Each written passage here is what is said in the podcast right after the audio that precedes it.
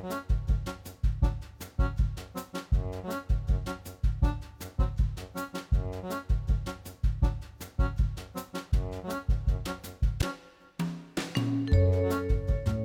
og sæl og velkomin í mannlega þáttin.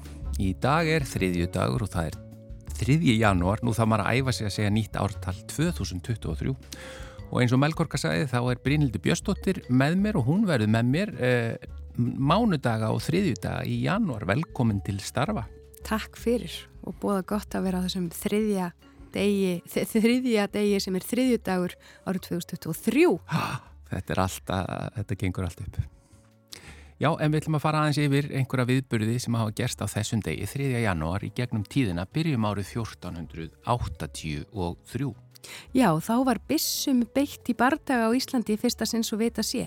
Þegar menn Andrésar Guðmundssonar skutu að Þorlefi Bjössinni hyrðstjóru á mönnum hans þegar þeir reyndu að ná virki á reykólum þar sem Andrés hafi búið um sig. Einnum aður fjall. Leonardo da Vinci gerði prófanir á flugvél á þessum degi árið 1496. Hann hafi smíðað þessa flugvél en þessar prófanir mistókust sem sagt annars eða flugsagan verið doldið önnur. Árið 1597 hófst Heklugós, eitt af mjög mörgum Íslandsögunni og voru uppi margir eldar samtímis, segir í heimildum. Kristín Bjarnadóttir frá Esjubergi neytti atkvæðis réttar síns eh, fyrst íslenskra kvenna í bæjarstjórnarkostningum í Reykjavík á þessum degi árið 1888. Og tveimur árum síðar, árið 1890, var það Holmavík á ströndum löggiltur verslunastæður. Karlakór Reykjavíkur var stopnar á þessum degi árið 1926. Og árið 1948 bjargaði þýskur tógari fjögurumanna áhöfn íslenska vélbátsins bjargar eftir átta daga rakninga vegna vélarbilunar. Um miðan vetur, það hefur verið svakalegt. Já, Íslandsbanki hinn síðari hóf starfsemi sína á þessum degi árið 1990. Hann var stopnaður 1. janúar með sammenningu Alþýðubankans, Útvegsbankans og Veslunabankans. Og árið 2000 hóf sjónvastátturinn Kastljós gungu sína í Íslenska ríkisjónvarpinu. Já, og Kastljós síð hafði þetta verið á dagskrá áður eh, en það hafði verið nokkur ár í hlýi þar að segja áður en að þetta Kastljós hóf gungu sína. En yfir í efni þáttarins í dag? Já, uh, við ætlum að ræða við Ester Auði Eliasdóttur sem að uh, hefur er mikil fyrirmynd finnst mér í því að snúa lífi sínu taka svona svolítið áberð á lífi sínu og snúa því, snúa því við og snúa því sér í hag hún bara snýri við blaðinu daldið eftir 50 og tók ábyrð á bæði heilsusinni og hamingju. Við ætlum að heyra aðeins hvernig henni tókst það. Já, og við fáum fyrsta vingil ársins frá Guðjóni Helga Ólasinni í dag. Þetta sinn verður vingilin snjóur með partihatt eins og Guðjón orðar það sjálfur. Og svo fáum við Elinu Björg Jónasdóttur veðurfræðing í veðurspjalli upphafi nýs árs um áramótir gjarnan, eru gætnan gerð uppgjör það sem að litið er yfir árið sem var að líða og það er einmitt það sem að Elin ætlar að gera með okkur í dag til maður að ræða veðrið 2022 í þættinu. Já, sem er mjög gaman að gera vegna þess að veðrið er hérna, vegna þess að fólk hefur oft svo mikla skoðanir á því hvernig veðrið var og af því að ég held að sé vegna sem við munum stundum bara misjafna, misjafna daga og þess að ekki sömu dagana. Við erum með valkvæð, valkvætt minni. Já, og Elin kemur ætlar að rétta úr því fyrir okkur. Já, en við byrjum á tónlist eins og alltaf talandi um veðrið, þetta eru þetta er spilverk þjóðana og skín.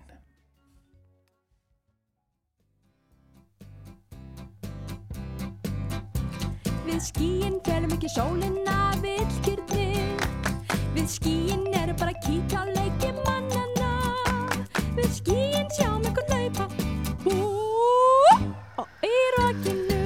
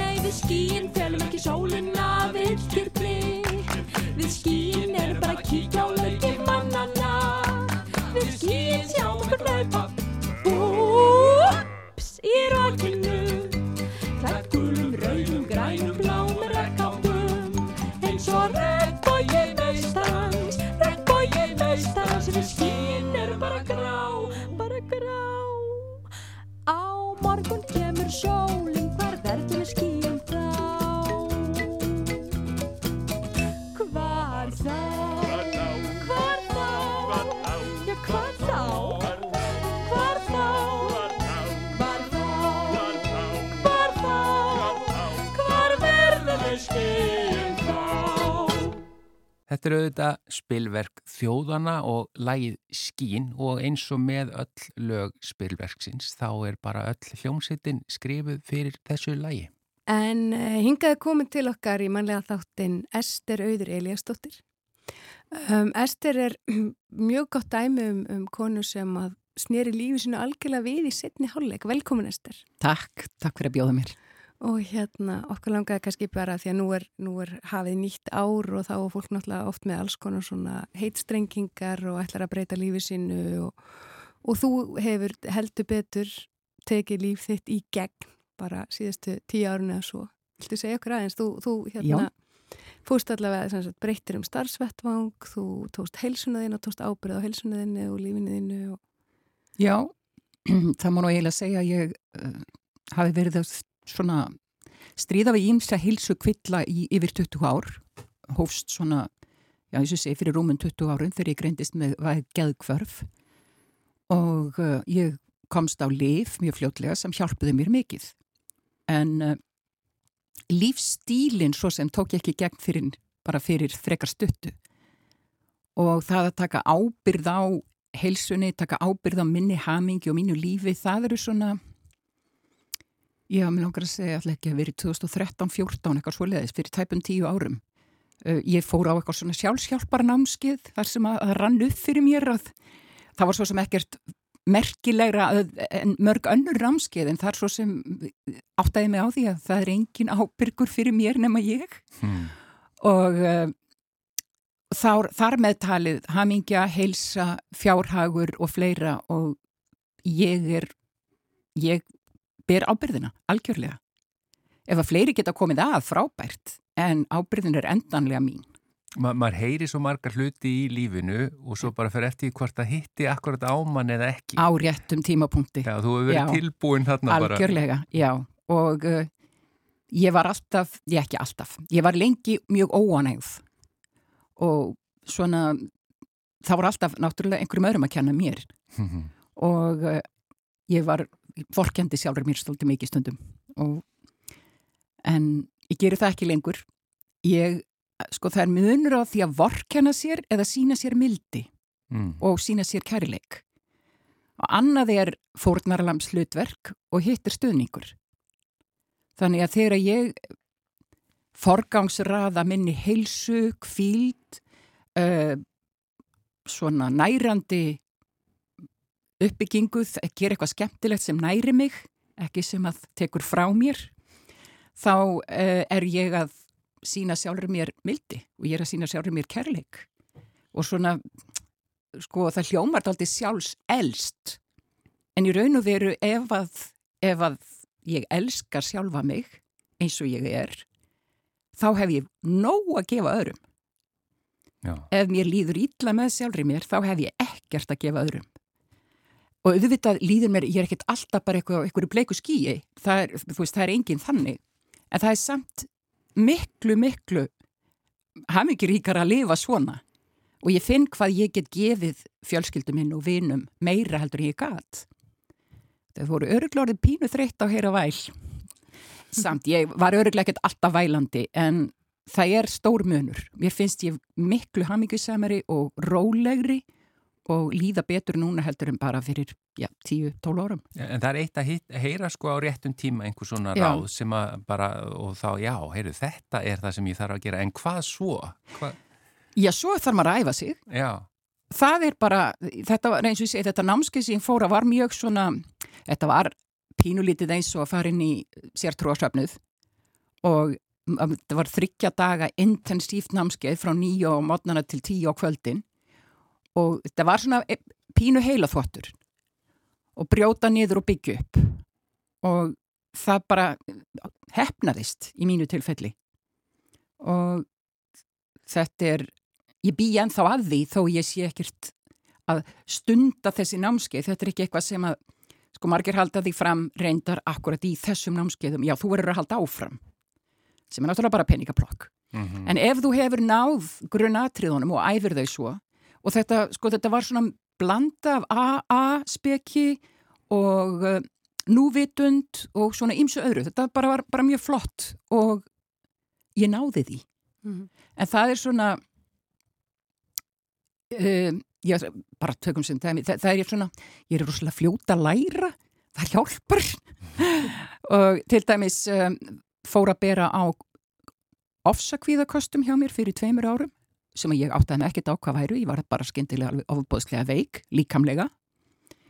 Og uh, loksins áttaði heimilisleikunarinn minn sig á því að þetta væri sennilega ofsakvíðakost og hann uh, sendi mig í meðferð á gæðdeild og ég náði henni. Og ég hef ekki fengið ofsakvíðakast síðan að ég útskrifaðist þaðan. En ég sá þar fullt af fólki sem var ekki tilbúið. Það gat ekki móttekið þetta Hva- Hvað var það sem að þú varst tilbúin að móttaka þar? að ofsakvíðakast er óraunverulegt. Þetta er í bara í höfðin á mér. Það orsakar allskins líkamlega útfærslur en það, það er, sko, líkaminn er að bregðast við hættu sem er ekki til staðar. Og það hljómar mjög þversarnakjönt en ráðið við ofsakvíðakasti er að gera nákvæmlega ekkert. Ekki sinna enginunum. Því þá er maður að uh, staðfesta við líkamann að það sé raunverulega eitthvað að. Þannig að mann þarf bara að býða það af sér. Og það er hægt. Það hljómar hræðilega. Mm. Þú veist, ég fekk yfirliðstilfinningu og ég, ég varð að leggjast út af og allt mögulegt annað. En ég fengi svona aðkenningu núna og þá er bara, já, heyrðu, ég er ekki að vera veik. Ég er að byrja að fá kviðakast. Heyrðu, já, það er allt í lagi. Það er ekkert að óttast. Það er ekkert í gangi. Það eru auðvitað einhverju triggerar en þeir eru ekki til þess að fá ofsakvíðakast. Mhm. Það er bara, heyrðu, þú þart ekki að fara þangað. En ég skila þetta, sko, ég, ég finnst ég vera alveg ofbáslega heppin að hafa geta þetta. Ég er, ekki, ég er ekki að reyna að segja, sko, ég er betri en aðrir, ég klára en aðrir, ég náðu þessu. Heldur meira, sko, vá hvað ég er heppin að þetta skildi bara hitt í mark, að ég skildi náðu þessu, að þetta skildi virka fyrir mig. En það er ímislegt fleira sem þú hefur gert fyrir þig, ekki sett? Jú, Eh, jú, Til dæmis sótt námskeið og jáfnvel hafið nýjan feril í, í, í dansi. Já, já, það er mjög gaman að segja frá því. Það er hérna uh, á í- t- 2018, februar, mars, þá sá ég auðvist námskeið í kramhúsinu í Burlesk og ég hafði séð þetta listform og, og sirkus og, og kabarett og þetta heitlaði mig og mér er alltaf langa á svið sko. Ég er hérna pínu exhibitionisti. Svo ég fór á námskeið og sem var alveg rosalega skemmtilegt. Ég var langelst. Það var örgulega 25 ára milli mín og þeirra sem var næst mér í aldri. Það skipti mig engu máli. Ég sá strax þar að eh, þær voru mögulega meira svona hefðbundið fallegar í læginu. Ég segi hefðbundið vegna þess að ég er líka loksins búin að átta mig á því að það er fegur þeir alls konar. Hún er ekki bara Marley Monroe eða Barbie. Hún er bara alls konar. En þær voru óörgar. Og ég var komin á þann stað að mér var slétt sama og ég ætlaði bara að njóta mín. Þannig ég var fljótlega bara komin á svið sem elsta börlesk dama landsins. Býtu fyrir þau sem ekki vita, hvað nákvæmlega er börlesk dans? Ah, það er taldið erfitt að skilgrina það. Þetta tilheyrir sama listhópi myndi ég segja og kabarett, sirkus, drag, jafnvel sætsjó sem ég kýsa að kalla óhuguleika. En uh, þetta er svona, uh, þetta eru aðalega konur sem er í þessu, það eru líka kallmenn. Þá kallast það stundum boilesk, sem finnst mjög skemmtilegt. En burlesk er sem sagt að fara á svið, segja einhverja litla sögu, fara mögulega úr einhverjum fötum, uh, daðra og stríða og oft vera fyndin, sem er svolítið mitt mál, ég vil vera fyndin, og sína aðeins meira hold heldur en svona í venjulegum dansi. Þetta er ekki ætlað að vera endilega að vera mjög fáað, þó að sumar séu það, mjög þokkafullar og fáaðar. Það er ekki minn tebólli, uh, en þetta snýst um skemmtun, uh, þar sem að áhorfandurum er augrað örlítið en samt einhvern veginn alltaf innan marka. Og þetta á að vera rosalega skemmtilegt og það er það allavega fyrir mig. Og áhörundur hafa tekið mig vel þannig að hlýt, þeim hlýtur þeir geta skemmtilegt líka.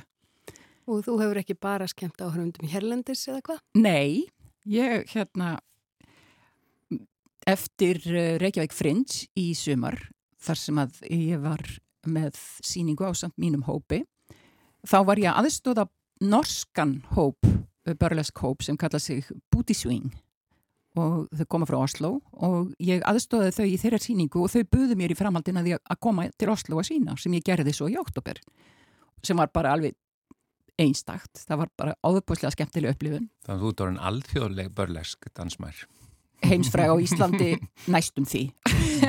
Nei, ég er nú ekki orðin alþjóðleg börlesk, alls ekki. En þetta er bara mjög skemmtilegt. Já. Og síðan fór ég með börlesk hóp hérðan til New York og bara ákvaða láta á það reyna hvort ég gæti fengið eitthvað að sína þar og það tókst. Og þetta gekk ægilega vel, þetta var í Brooklyn og fullur staður á fólki og mér var mjög vel tekið og eftir að uh, ég síndi mitt atriðið þá átti ég að ganga um með fötu og sapna þjórfi og ég fekk bara svakalega fulla fötu og atriðið var engan veginn eitthvað eh, klámfengið eða dónalegt eða bara pínu aurandi. Þetta er bara skemmtilegt og ég myndi aldrei gera neitt sem að, ég finnst bara orðað þannig, ég er orðin amma, ég myndi aldrei sína neitt á sviði sem að hérna svonardóttir mín myndi neyslast yfir eða þykja óþægilegt Já. eða svonur minn eða tengdadóttir. Mm -hmm. og þó að, En að því þú sagðir hérna þetta væri svona eins og að þið kveiknað á ljósaperu og þú hefur hérna þegar þú heyrðir á réttum tíma já, þessi ráð Já. og að, að taka ábyrg á, á tilfinningum og til dæmis þetta þá kannski að taka ábyrð á eigin ánægju. já, Já, já. Það er bara ekkert að því að hafa gaman á lífinu. Já, það er bara nákvæmlega ekkert að því. Og ég var alin upp dálítið í svona uh, hvað ég segja kalvinískum uh,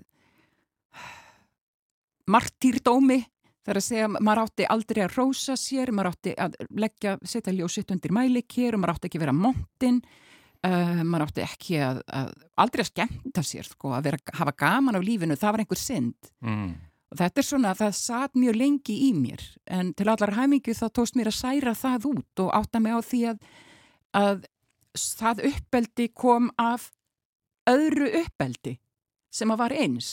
Og það hefur mikið verið, það er svona alls konar, hvað ég segja, tráma í kringum uppeldið og fleira. Og það er aldrei skemmtilt að segja frá því að ég og bróða mín við bundust sammælum um það að þetta kynnslóða tráma myndi stoppa hjá okkur og ekki halda áfram til barnan okkar.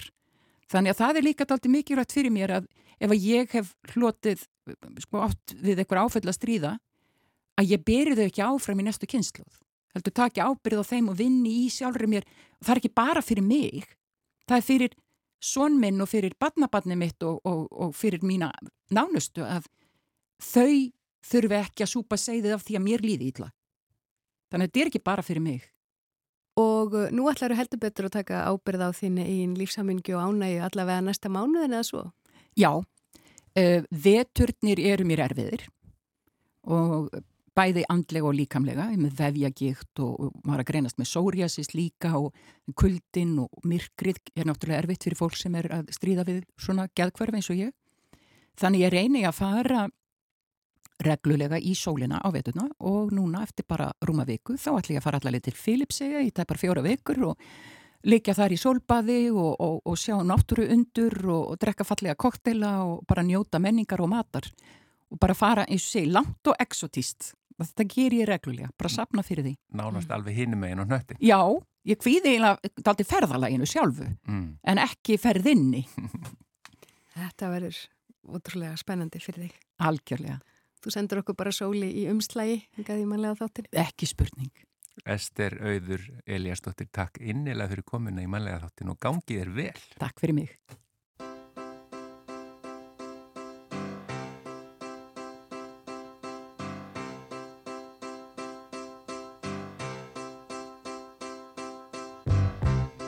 Get up, gotta get out, gotta get home before the morning comes. What if I'm late? Got a big day, gotta get home before the sun comes up. Can't stay. I gotta run, run, yeah. Gotta get home, pick up the phone. Gotta let the people know I'm gonna be late.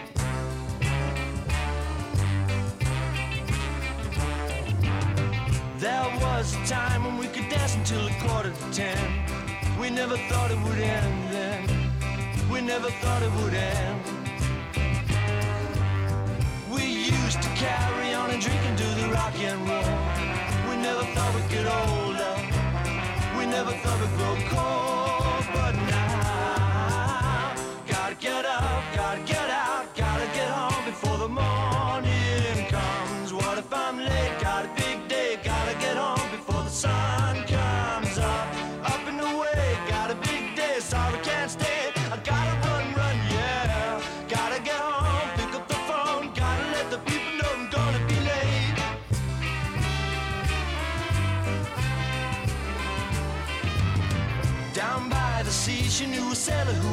To war. She never even knew a sailor before. She never even knew his name. He'd come to town and he would pound it for a couple of days. And then he'd sail across the bubbling waves.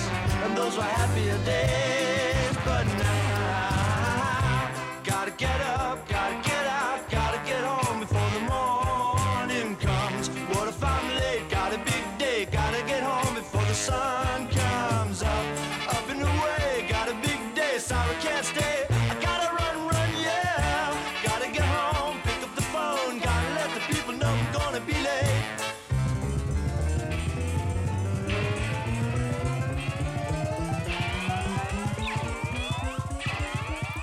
Þannig heyrðu við stuðlægið Get Up með Harry Nilsson en það hefur örugglega verið ímsum erfitt að koma sér á fætur í morgun.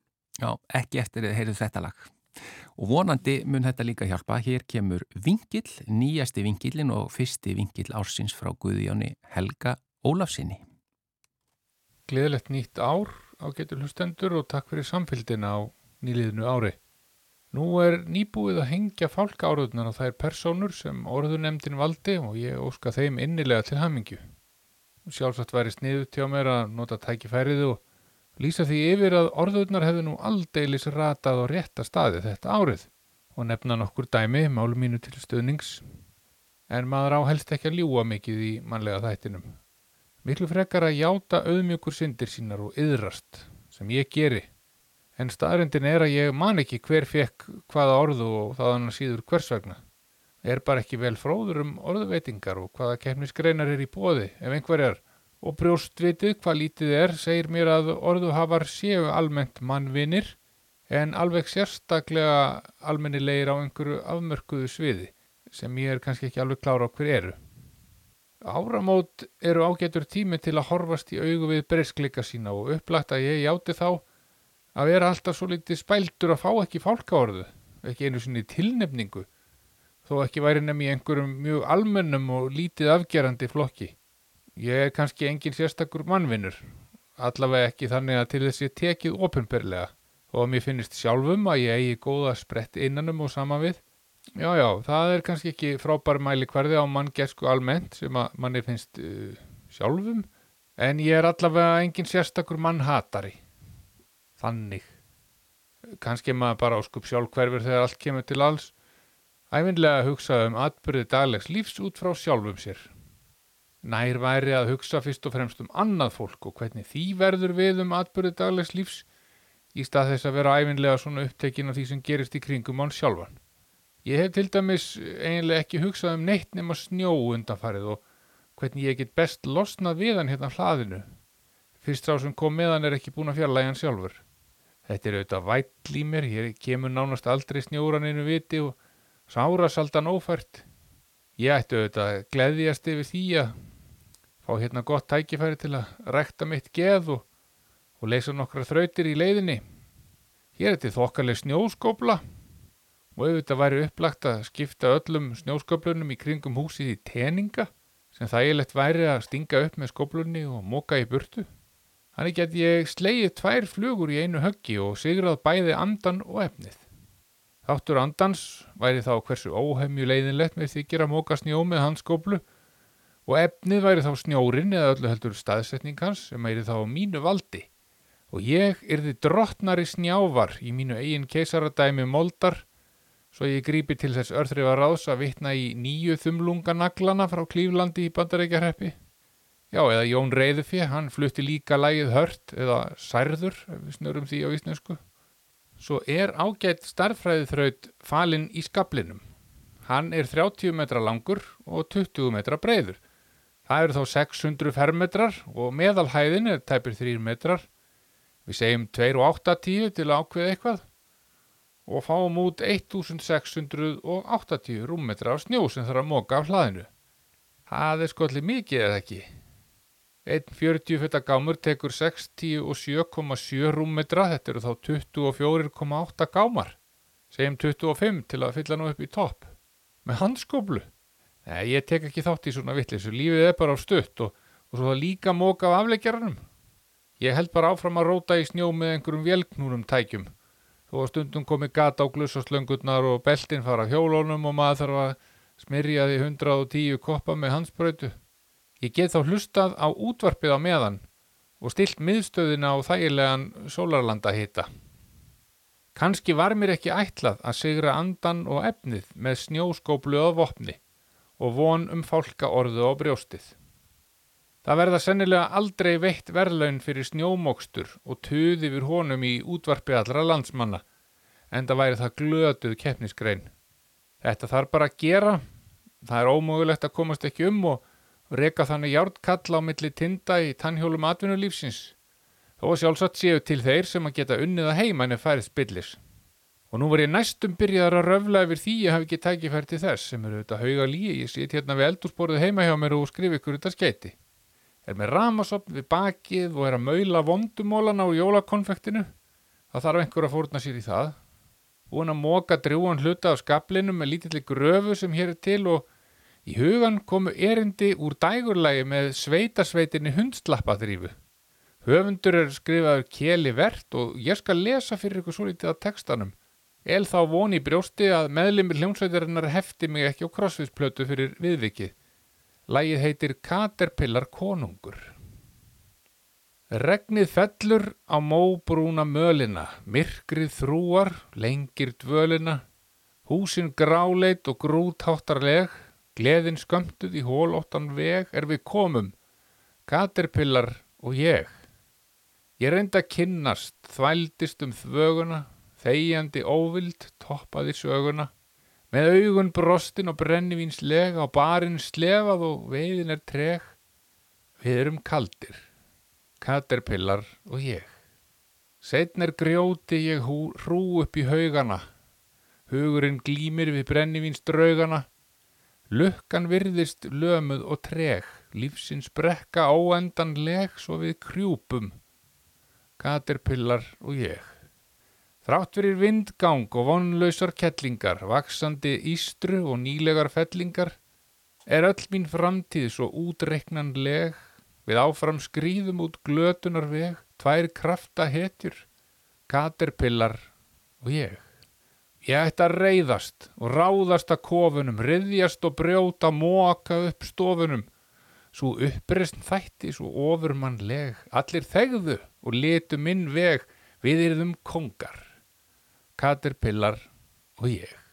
Vissulega er hverki minnst á snjó í þessu góða lægi en stemningin er ósvikin.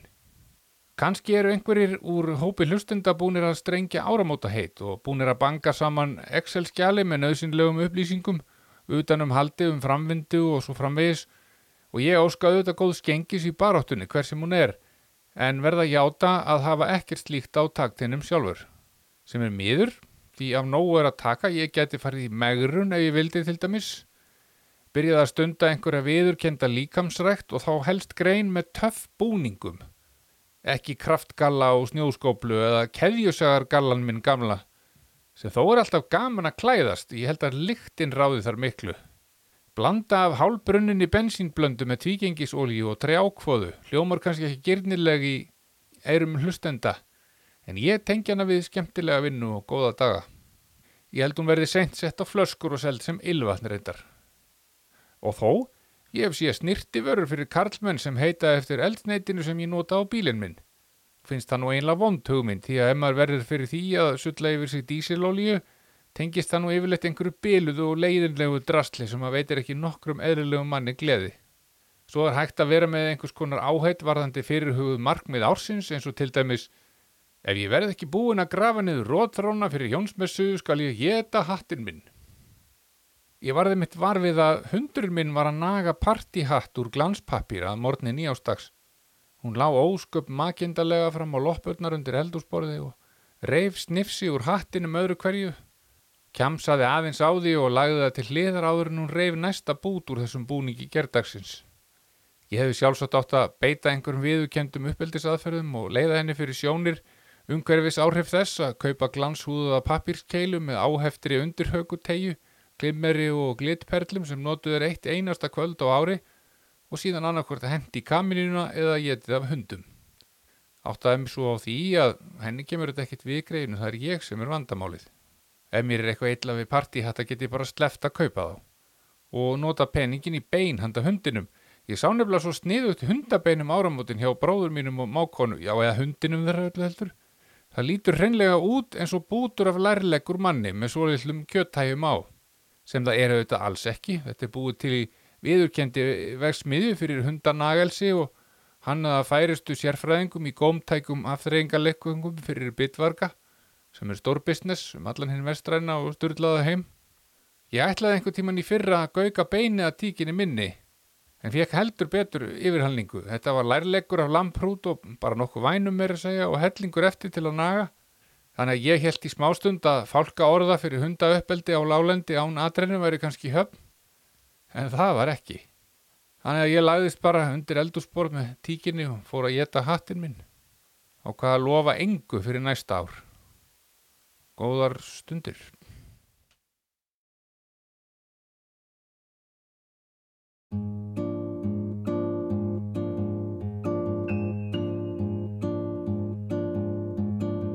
Það er steinn, það er stígur, það er fáfarinn það er vissnandi stilkur, hann er einmannanlegur, það er sprunga í gleri, það er líf, það er sól, það er nótt, það er flútti, það er þögn, það er skjól, það er blómstrandi engi, Það er útsporin viður, klokka og kerti, það er lítill játt smiður, það er bygglaður lúður, það er gamall ósíður það er ráðgáta sem lífsins, snýr upp eða niður. það er gustandi gustur og gaulandi kviður, það er vín, það er von, það er stríð, það er friður. Það er rignandi rigning og minningum yður og hún fölnar og hverfur í haustlæðar bríður. Það er gólf, það er tá, Það er endalus ganga, það er fjúkandi strá, fáina rósi sem ánga smá fuglar að leið, og páfugla steig.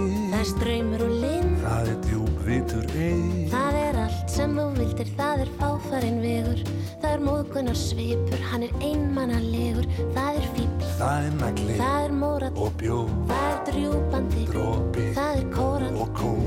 það er örmagna hjarta, Spikfeitur peninga tjekki, það er rísandi sól,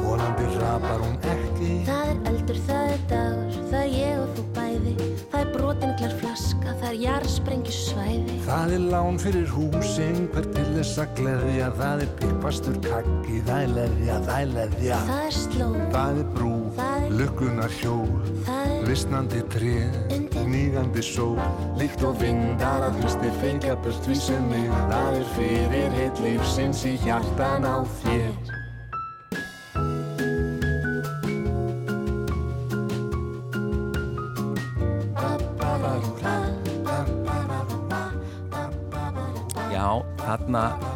Syngjaðu saman Sigriði Tólasíus og Sigurður Guðmundsson Brasilíska sömbu. brasilska sömbu um, um veðrið og vindana á haustin. Það er gaman að segja frá því að þetta lag á í Brasilíu, eða svo sagt á portugalsku heitir það Aquasti Marco og, sagt, og á sér stað í mars en ekki þess að því þá er haustið í Brasilíu. Já, og nú er bara ekki einu sinni haust, það er löngu búið hér. Bráðan kemur kannski vor, eða Jú, það er kannski jú. smá bjart sínt, Elin Björk haga. Já, þetta var semst brasilísk lag eh, eftir Antonio eh, Carlos Jobim og það er Birkir Blær Ingólfsson sem að samdi íslenska textan. En Elin Björk, eh, ekki haust, ekki vor. Nei, það er aldrei svetur. Það er aldeilis vetur núna. Já. En við vorum að tala um þetta áður en við fórum í loftið, þetta hvernig maður hugsa tilbaka svona heilt ár Einmitt. veður. Það er ofta ekkit alveg rétt munað hjá manni. Nei, ég held þetta sé ekki bundið við Íslandinga. Ég held að almennt að þá höfum við mannfólkið bara mjög svona takmarkað veður minni. Það tengist bara einhverjum einum viðburði og eitthvað svo leiðis, eða hvað? Já, og svo held ég þetta sé að einhverju leiti líka svona, hérna, uh, svona þann, þannig að við séum ekki að velta okkur upp úr, þú veist, að því að það er kannski ekkit sérstaklega gott veður alltaf Mm og það, það, þú veist, við erum ekkit að velta okkur upp úr því, við reynum frekar að muna, viljum muna góðu hlutina, Þessi sko. svona sjálfsbergaðið Ég held það, sko. Já, ég held að maður muni annarkort góðu eða bara hræðilegu. Já, ef það er eitthvað, ef þú ætlar að gera eitthvað og komst ekki vegna veðurs eða þú varst, þú veist, í gönguferð og það var úrhættisregning, eitthvað svona, sko. Já, ég man rigningasömarið, hvað var það, 2018 eða 19, mjög vel. Já, akkurat, Já. 2014 líka. En það var ekkit sérstaklega, sko, hvernig bara lítur veðrið okkar hér á Íslandi út svona í baksinnispeglinum? Já, Þú sem fræðingur, sko. uh, í baksinni speklinum þá, uh, svona það, það sem ég man er að veturinn, sko, 20 og 1-22, sem sagt, mm Mhm. síðastliðin vetur, var harður, sko, í frá janúar 2022. Já, sem sagt, veturinn þarna undan fyrir jól sem sagt, fyrir árið síðan var bara hlýr og, og óvenni mildur. Og svo kom þarna högg bara í janúar þegar byrjuði lagðirnar og við fengum þarna tvær rauðar viðvaranir eða tvo daga með rauðum viðvaranum í februar og það var, voru viðvaranir hérna alveg á, á hérna hverjum degi og, og við slóum nú sennilega februar með því útgáfi viðvarana Mhm. en, en veturinn náði þó ekki viðvaranametinni frá 2019-2020 af því að Já. sávetur byrjaði raun að veru fyrr, það byrjaði desember hérna munar því sem sagt En hann varð almennilegur vetur semst eftir áramótin, en Já. sem er þá telur til 2022. algjörlega Já. og sem sagt e, það var snjóþungt í februar við Já. á landinu og, og eftir því tekið til dæmis hérna í Reykjavík Já, og mikið rætt náttúrulega þarna um, um snjómoksturinn sko.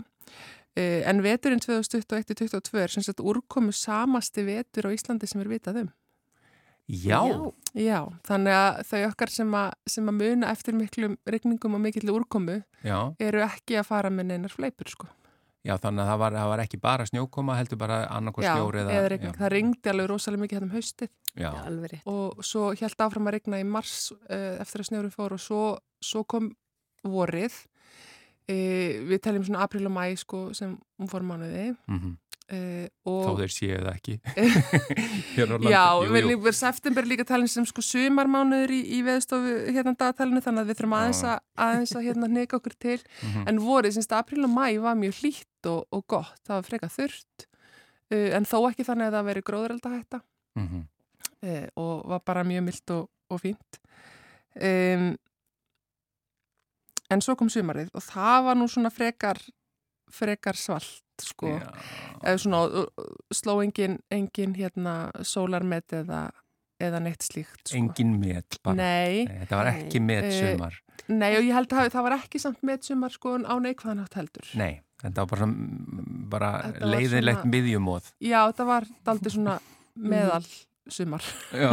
En nú voru, mig misminnir ekki, svakalegar hitabilgjur í, á meginlandinu. Já, Mér hefur stundum fundist að við einhvern veginn eigum okkur svona, ætlum að segja það gott viður í, í Breilanda eða Skandinavíu, Mhm. þá er vont viður hér og öfugt. já, Er og þetta eitthvað, er þetta eitthvað svona kerfi? Já, að, já. það er það sko og gerðnan ef það eru mjög uh, ákvæður hittabilgjur í Evrópu að þá sagt, er einhvers konar fyrir stað þar þannig að læða, læða myndunin sem verður alltaf allan ársins ring þó það sé sko minna þar eru séu minni um sig og ekki jafn, sko vondar þá ganga þær yfir Ísland Já. Þú veist, ef það er, er hæðasvæði yfir Íslandi sem að bæja læðan frá þá almennt ganga þær til Breitland segja og þá er það oft flóðasumur hjá þeim sko. En er ekki líka að því ef það er gott viður í Evrópu og þá er það kannski ekki hér, en það er ofta á Austurlandi og Norðurlandi nefnilega, fylgir meira Evrópu. Einmitt, af því þá líka eru oft sunnanáttir Já, og þær eru svo góðar á Norður-Austurlandi.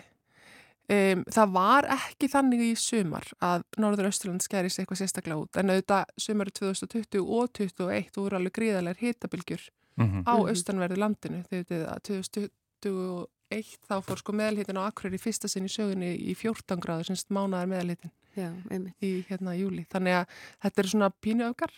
Og var alltaf hægt að tala um fyrst, fyrst við erum komin, komin í þessa samræðu, það er eiginlega vallegt að tala um veðrið á Íslandi vegna þess að það er aldrei sama veður og, og ég man eftir, svo við töluðum nú oft um þegar maður var að horfa sjónvarpið þegar maður var yngri krakka hoppa út í lagarfljótið í, í hita og maður einhvern veginn í Já. pollabúsunum í, Eh, í, Reykjavík sko.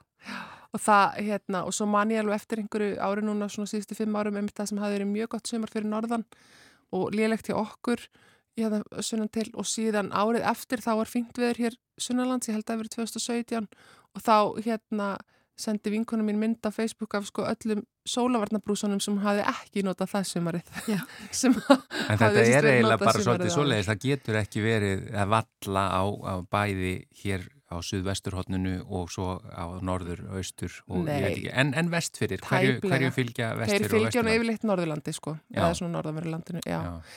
En svo, svo við höldum áfram með árið í ár, þá Já. náttúrulega alveg með hlýjindi í haust, uh, oktober og november og november var sko þriði hlýjasti november frá upphæði mælinga í Reykjavík. Já, Það er rúmlega 150 ára serja.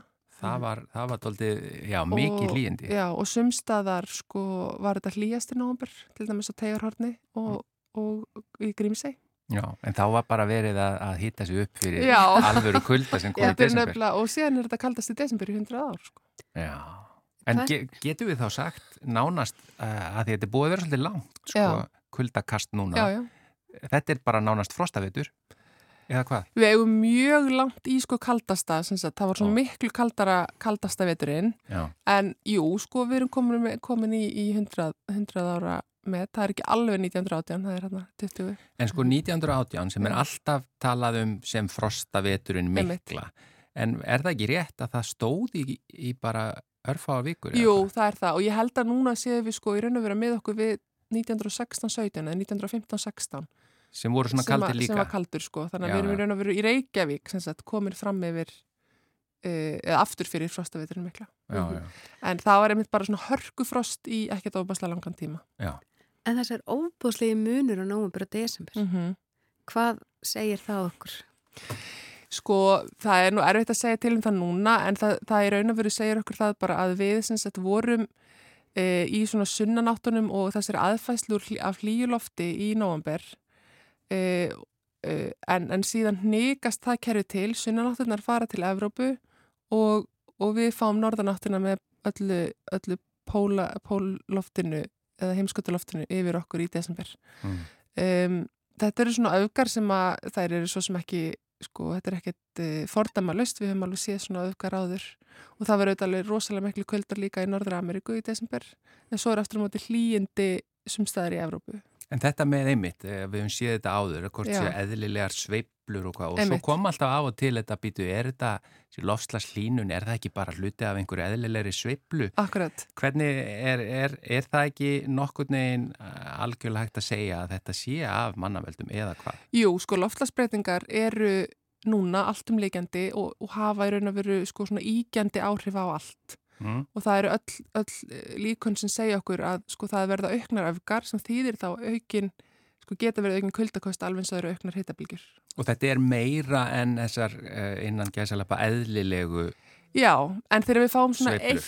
eitt atvik þá er svo erfitt að segja sko þetta atvik er. Já, En, en við sko tölum eiginlega ekkit um veður í dag án þess að það sé undir áhrifum loftlagsbreytinga af því að þær, þær eru ekki sko staðbundnar eða, eða neitt, þær eru nattrænar þannig að það er bara allt veður sem gerist núna er veður sem að er vegna loftlagsbreytinga og það sem Mhm. við þyrftum að gera er að við þyrftum að taka einhver svona loftlagsíkun taka sem sagt draga hérna uh, allan þannig kvaldvísring sem er í andrúrsloftunni út úr andrúrsloftunni í líkaninu Mm. keira með sama veðri og var og sjá hvernig staðan hefði orðið ef, að, ef að það hefði vantað allan kvöldvísiringin. Já, Mhm. Þannig að það verði einhverjur að sinna því aðrir en ég en hérna og vonandi gerir það einhver. Já, en þetta, þessar uh, sveiflur, þetta er semst ekki þessar eðlilegu sveiflur eins og hafa verið í gegnum aldinnar. Já, það, við vitum það ekki. Það er, sko, við vitum að það hafa alltaf verið sveiflur en, en svona öfga miklar sveiflur uh, þarf að skoða svolítið sérstaklega. Já, sko, þú ætlar að koma hérna aftur í næstu viku Já, og þá verður við með svona, komið með tölur sem að, til dæmis í sambandi við veðrið í, í, á nettinum. já, ég hérna býð spennt eins og allir veðfrængar núna eftir svona uppgjörinu frá stóru veðurstofunum, sem sagt, Evropareiknum með stöðinni, hérna bandarísku veðurstofunni, japansku veðurstofunni sem Er loka vegna vörutalninga? Já, eiginlega, sko. Við erum ekki viðræði hæ fyrir að það er búið að rekna allt upp og gera upp, sko. Þannig að ég vona að við verðum komið með eitthvað slíkt í hendunar í, í næstu viku. Þá getum við aðeins farið yfir það og svona rifjað upp. Það er mjög spennandi. Hérna, er þetta ekki svona helsta ársins? Það verður að gera það fyrir veðri líka. Jó. Elin Björk Jónasdóttir, þakka þér innilega fyrir komuna í þetta sinn og við, við erum spennt býðum eftir þessum áþreifanlegu tölum í næstu viku. Takk. Takk innilega og þættinum er bara lokið í dag, Brynildur. Já, bara takk fyrir daginn. Já, og Það við er verðum, þátt og við verðum saman aftur á mándaginn. já, uh, Melkorka Ólastóttir kemur og verður með mér næstu þrjá daga,